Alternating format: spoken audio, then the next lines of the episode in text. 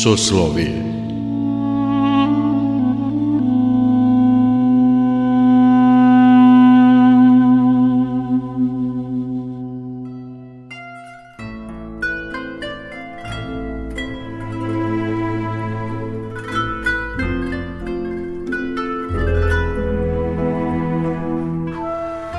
Slušate Soslovije, religijski nedeljnik Radio Novog Sada.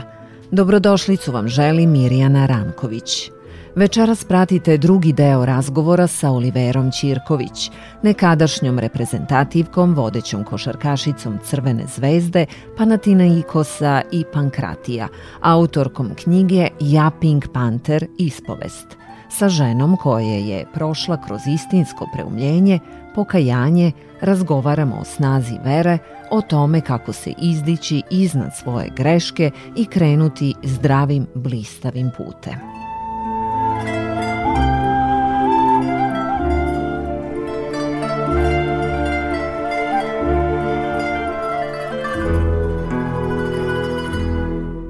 Nekoliko puta ste pomenuli verujem vera. Kada ste razmišljali o tome u šta verujete i kada ste se zapitali da li Bog postoji? Da, e, jedna tema ozbiljna. Prvi put, e, e, znači, do mog zatvora ja sam silno ubeđena, ja sam ateista, čak se hvalim time čega se sad stidim, i te kako i kad čujem nekog čoveka da kaže da je ateista, a ako je još pritom i obrazovan, iskreno i duboko ga žalim i želim mu da ne doživi to što sam ja doživjela, da ga život ne dovede u takav ćošak da ga sabije da on silom osvesti tog Boga i, i postojanje Božije i, i veru. Želim mu da stvarno mu se to ne desi kao što se desilo meni, nego da nekim lakšim putem E, nađe put do vere. Samo je vera snaga, bez vere mi ne postojimo. Mi smo nemoćni, davati sebi vrednost neku da si, da si kao moćan čovek, da ti odlučuješ, to je takva zabluda, ja sam godinama verovala da sam moćna, da sam sposobna. Ja imam neke dobre karakterne osobine koje me i sad izdvajaju i čine me možda trunku uspešnijom, ali to nije ključ moga uspeha. E, samo vera i e, samo činiti dobra dela, davati, davati i davati bez jednog razloga i onda će ti se sve nekada vratiti biti dobar i, i pred sobom biti dobar, a ne pred drugima onda će ti Bog negde otvoriti vrate i dati priliku čak i onda kad ne očekuješ. I nikad nećeš zakasniti. I kad god se promenio, zakasnio nisi, pa taman da je dve godine pred kraj života, ako to osvestiš ti si pobednik života. Ja sam to osvestila e, za mene tako bandoglavu, e, trebalo je vremena. Prvi, prvi koraci gde to osvešćujem, e, ali ne u potpunosti je zatvor, gde sećam se da dobijam novi zavet, dobijam Eh, iz, eh, bio je, bila je jedna, jedna u, na grčkom dnevniku, izašla je reportaža o mom slikanju u zatvoru i bila je na centralnom dnevniku grčkom. To su gledali široke narodne mase. Eh, među njima i jedan sveštenik iz crkve Agios Dimitrios, sveti Dimitar bi bio prevod u Atini. Pogledao je to, verovatno sam ga ganula s tom nekom svojom pričom, tolikim talentom slikarskim, tim slikanjem mojim tim dobrom koje je video na jednom mestu koje je puno uh, zla. I napisao mi je pismo koje je bilo tako, tako dirljivo, tako emotivno i taj novi zavet. Uh, rekao mi je da je sveštenik uh, u toj crkvi, da je gledao tu reportažu i da se svako veče moli za mene i za moje bližnje. I to je tako i, i, i, i srce i najoko relijek zatvorenika, ta neka pažnja mala kad te svi zaborave, ogromna je. Otopio mi je srce. Sećam se da taj dan nisam otišla prvi put na posao, a posao mi je bio da krećem, da slikam. Nisam otišla, ceo dan sam ja to pismo čitala e, i, i, i poslao mi je neku molitvu večernju i poslao mi je taj, taj novi zavet da grčkom, ali ok, ja pričam grčki dugo sam u toj zemlji, pa mi je to bilo blisko onda su krenule neprilike u sa, sa, sa mojim sudskim procesima, sve je bivalo gore i delovalo da se ja nikad neću izvući. Znam da sam u jednom trenutku pomislila, dragi Bože, totalno sam nemoćna. Pravosuđe, ovo je grčko, ne može se ono objasniti. Tu nema pravila nikakvih. To je jednostavno si bačen na kolena, bačen si u jednu rupu u kojoj dno se ne vidi i više niko za tebe ne pita. Tako izgleda to grčko pravosuđe. Nemaš ni kome da se obratiš. Ne postoji sistem jednostavno si u nekoj tamnici u kojoj ne vidiš, nema, nema izbavljenja. Advokati ga ne znaju, čim ga advokati ne znaju, ko će ti onda pomoći? Ti pravnim putem ne možeš. Već sam jednom pobegla, znači, nepravnim putem, rešenja više nije bilo. Znam da sam legla u krevet i prva pomisao ili reč kad tako nemoćan legneš u krevet je dragi Bože, Bože, majko moja i Bože moj. Majko moje, Bože moj onda sam posle kasnije razmišljala, kada sam bila u najvećim i najtežim trenucima, ja sam pominjala samo majku koja nije živa i Boga. Dve reči sam ponavljala. E, to iz mene izlazilo e, nesvesno. Znači neka podsvest u meni je govorila Bože moj, pomozi mi majko moja, pomozi mi, sačuvaj me da preživim, da, ne, da ostanem normalna. To mi je bio isto neki putokaz. Treći putokaz mi je bila žena koja je videla, bila je prijateljica od direktora moga zatvora, slikarka i, i profesor je na Slikarskoj akademiji u Atini.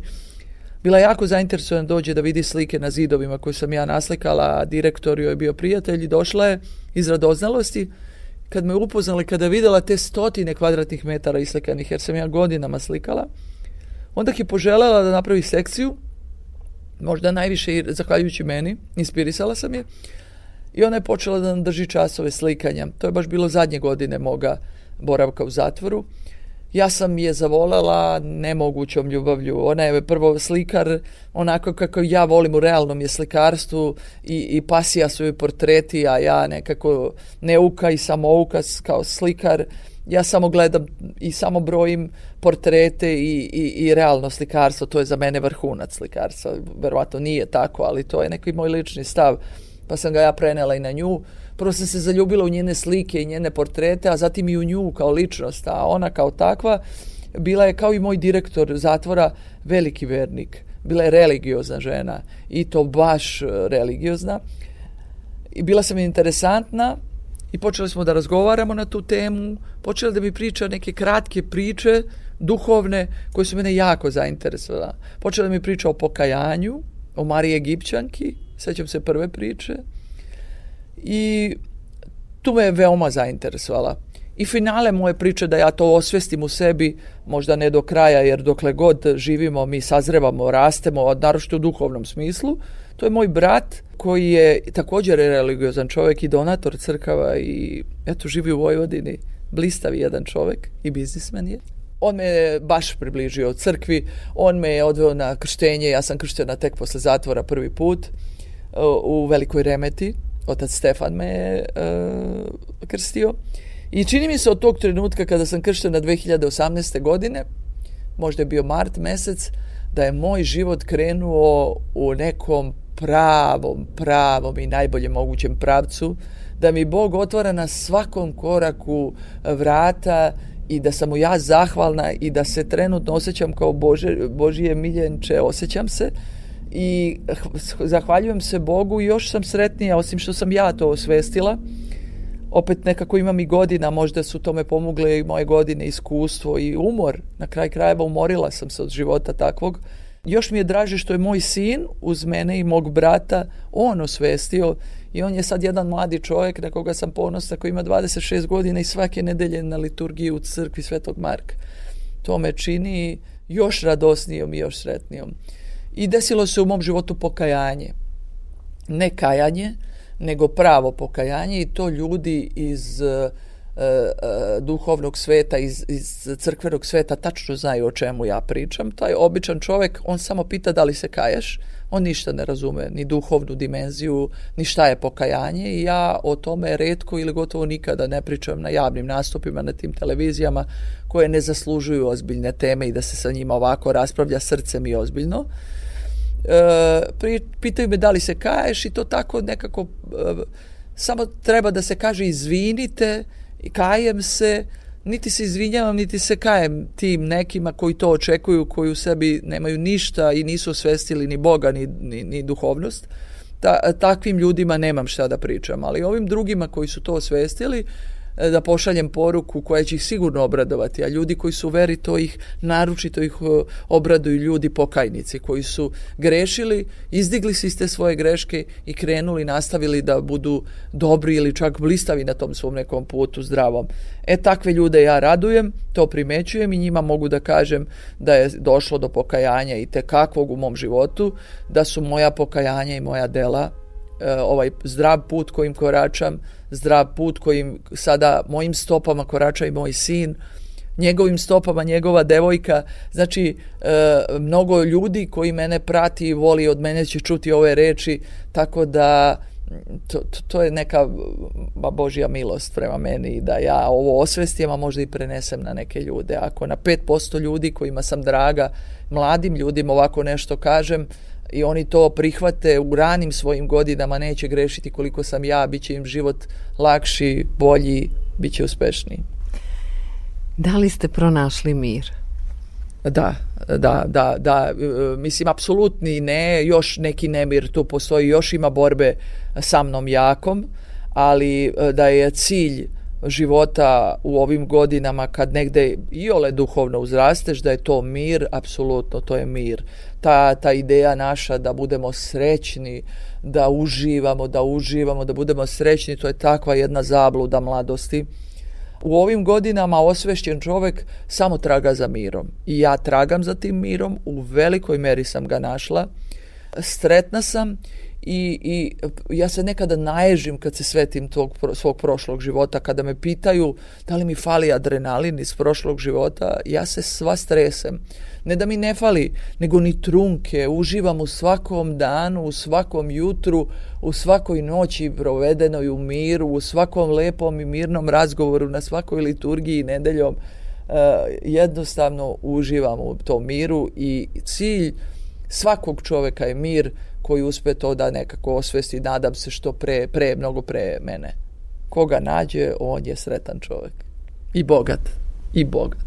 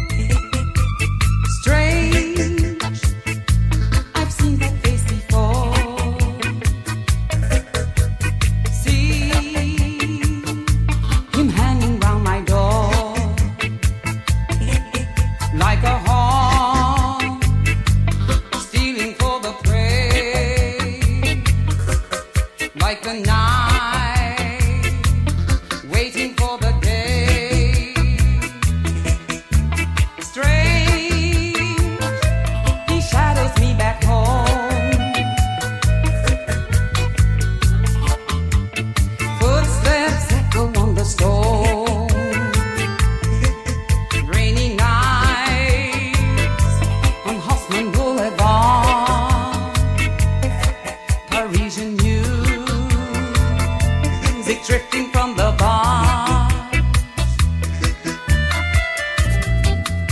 Tu cherches quoi? On la mort. Tu te prends pour qui? Toi aussi, tu détestes la vie.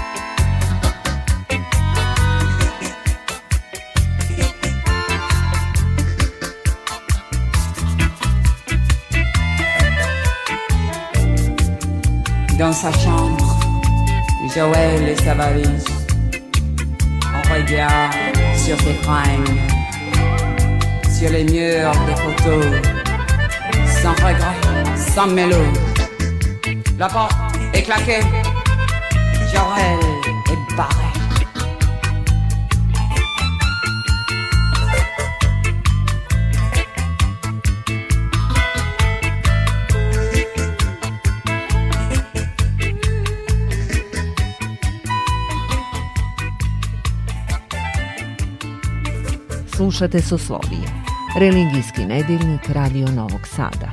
Pratite drugi deo razgovora sa Oliverom Ćirković, nekadašnjom reprezentativkom, vodećom košarkašicom Crvene zvezde, Panatina Ikosa i Pankratija, autorkom knjige Ja, Pink Panther, ispovest. O snazi pokajanja, unutrašnjem miru, tuzi, o Božiću u zatvoru i o klaviru – Razgovaramo sa Oliverom u minutima koji slede. Tuga, ima li je u vašem životu? E, pa ima je, ja imam taj jedan deo ličnosti, uh, uh, jedna, jedna nota melankolična u meni postoji, verovatno je to je taj mali dar koji imam i za umetnost. Nekako primećujem da svi umetnici, mislim nisam ja umetnik, ali imam nekog dara, eto sam ovki, sam slikar, pa to je neka umetnička nota, verovatno koja me određuje, možda bi, bi se i razvila da sam u mladosti je razvijala. Uh, imaju tu neku melankoličnu notu. Ja se protiv nje borim jer dosta slušam i čitam i sve to pismo čitam i, i, i E, dosta objašnjenja ima za te tužne misli, da te u stvari đavo napada u tim trenucima i da se od tih tužih misli treba odbraniti, da ih apsolutno nemam, nisam u tom stadijumu, ali to je negde pokazuje da smo emotivni, ranjivi, da smo ljudi, da nam borba predstoji do kraja, do zadnjeg dana, dok ne sklopimo oči. Borim se e, kada dođu te tužne neke misli, dani ili minuti, trudim se da ih prebrodim što pre i da, i da se vratim u tu neku uh, uh, dobru, pozitivnu fazu. Rešavam to aktivnostima, radom. Samo je rad rešenje za tužne misli. E, e, baš, baš sam slušala, mislim da je možda možda Vladika Grigorije, negde sam to čula, rekao da, da je lenjost opasna bolest, da te u, u lenjosti kad ležiš tako obhrvaju te đavolje u stvari misli i onda ti ona iscrpi snagu i ti više nisi lenj, nego ti postaješ jedan nemoćan čovjek koji više apsolutno nije ni zašta, nije više lenj, nego nemoćan čovjek koji ne može više ništa da uradi. E, bukvalno to mislim. Te tužne misli te čine olenjuju te, stavljaju te u neku mi, umirovanje, u nerad, iz tog nerada zaista verujem da ti crpi đavo neke misli ili šta je to već neka sila koja ti crpi tu energiju koja ti je preostala i stvara te u prazno praznu ljušturu. Tako da ja znam za, za tu e, negde ne, za takvu neku kao zamku i pokušavam da tu zamku izbegnem snagom svoje volje uh, idem u rad idem u, u, u molitvu idem u uh, vežbanje, psihičko, fizičko, posao, ali umerena, nigde fanatizam. Naučila sam da tokom života sam sklona da budem jako fokusirana i fanatična u stvarima koje radim, bile one i dobre, e, to, to nije poruka. Umerenost je prava poruka u svemu, u radu, u miru, u odmoru, u svemu. Umerenost je, je lozinka pobede života. I za kraj, Kada kažem Božić, koje su vaše asocijacije? Božić nekako ne znam kako, odmah mi je e, osvesti šta je Božić, naročito u teškim okolnostima, a na primjer zatvor ili logor, to bi bila komparacija toga. To su, to su mesta gde naročito shvatiš e, težinu jednog praznika i porodične atmosfere.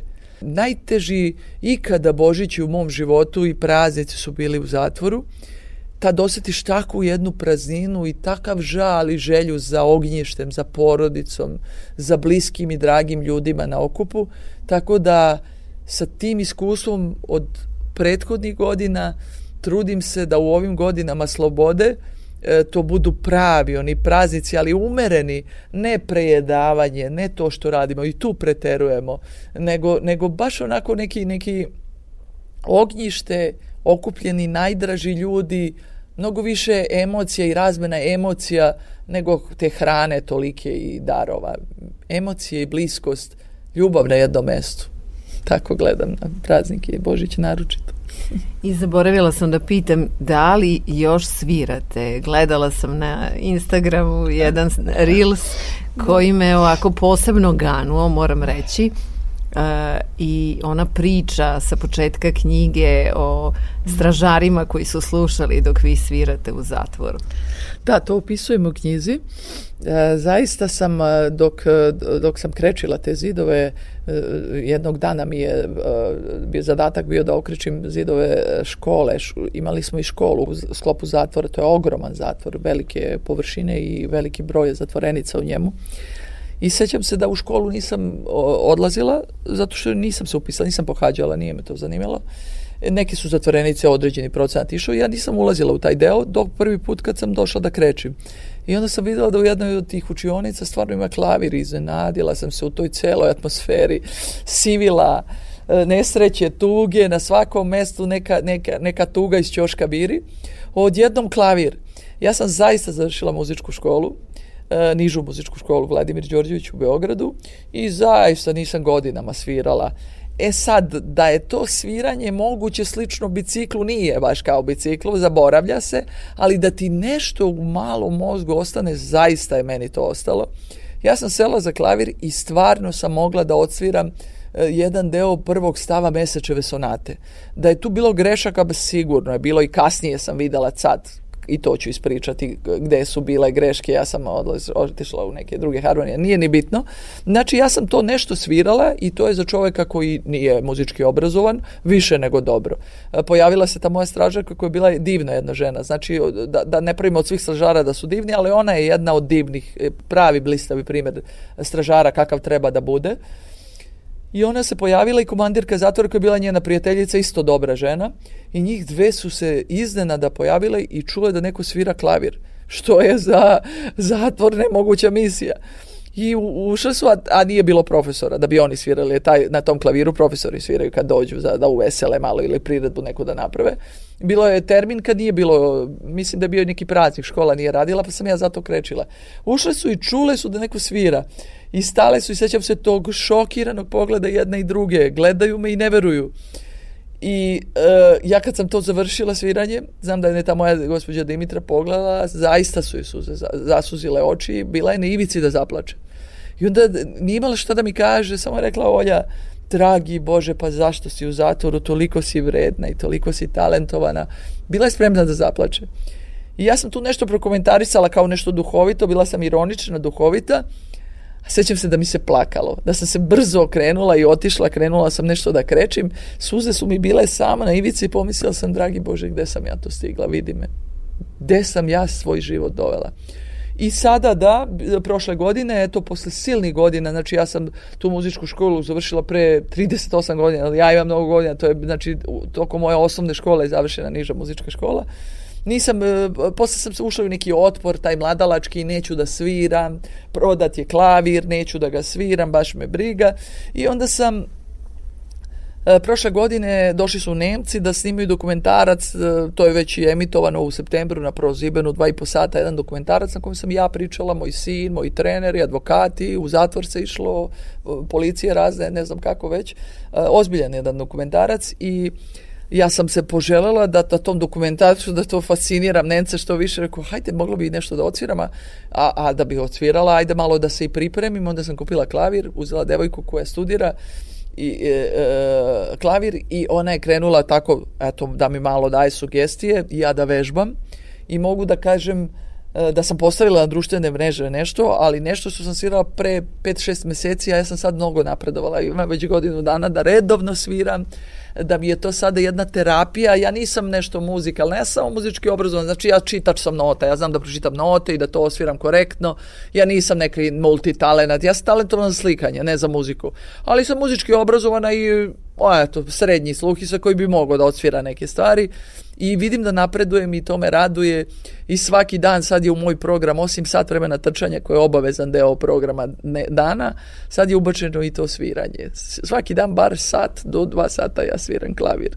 i nadam se da ću još bolje napredovati i da ću svirati još neke malo zbiljnije i bolje stvari tako već da nekako kakva je vaša dnevna rutina ja sam non stop e, u stvari od malena ja sam e, Ili su moji roditelji takvi bili, pa preneli taj model ponašanja mene, pa je tome i sport doprineo. Ja ne znam da živim bez organizacije. Moj dan, ako nije organizovan i sve se zna šta se radi, ili bar orijentacijono, da ne govorim sad od minut do minut, jer ja nisam zaposlena u firmi, da, mogu sebi da dam uh, za pravo i slobodu da pomerim to neko svoje trčanje mesto 8, da bude u 9, da bude u 10, ali o, generalno ja svaki dan, uh, dan pre imam Eh, jedan program koji ću 90% slučajeva ispoštovati. Samo treba se da iskrsne neka neplanirana stvar da bi ja odstupila od tog programa. To je treniranje volje i e, to, je, to je isto jedan, jedan dobar savet za dugovečnost, za zdravu starost, za lepo starenje, kvalitetno, eh, da si stalno organizovan i da nikada s godinama olenjujemo se i postajemo nekako nezainteresovani za život, e tad se treba e, baš baviti i ne dozvoliti sebi da zbog tih nekih brojki na papiru ti e, popustiš naprotiv. Ne mislim ni da se treba utrkivati i ono lažno borba za neku mladost, glumiti da si devojčica, ne. Stariti zdravo i kvalitetno i to ja radim. A to samo možeš uz organizovan dan. I tako se boriš protiv onih tužnih misli i protiv svega onoga što nije dobro. Znači, tako živiš kvalitetno.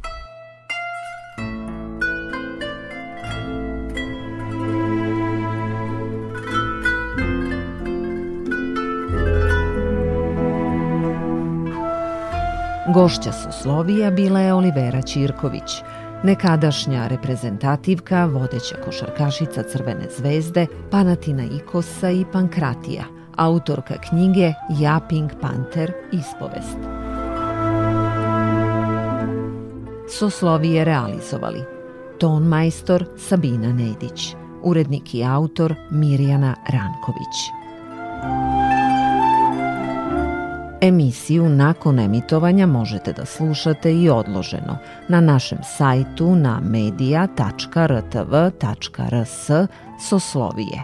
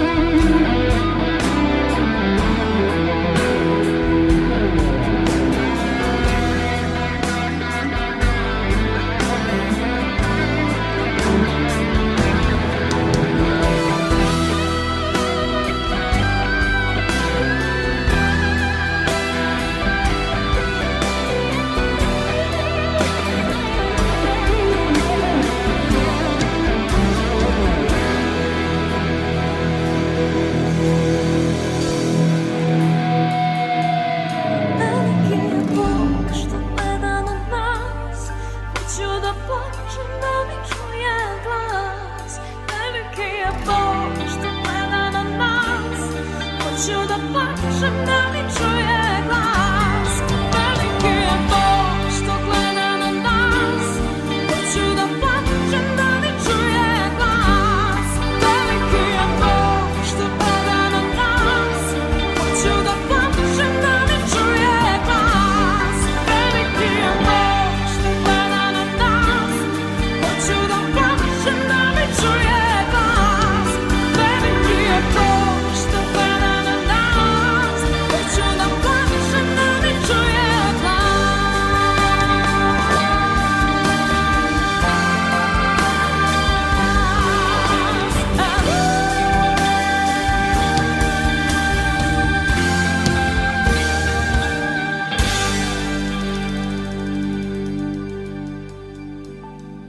Radio Novi Sad.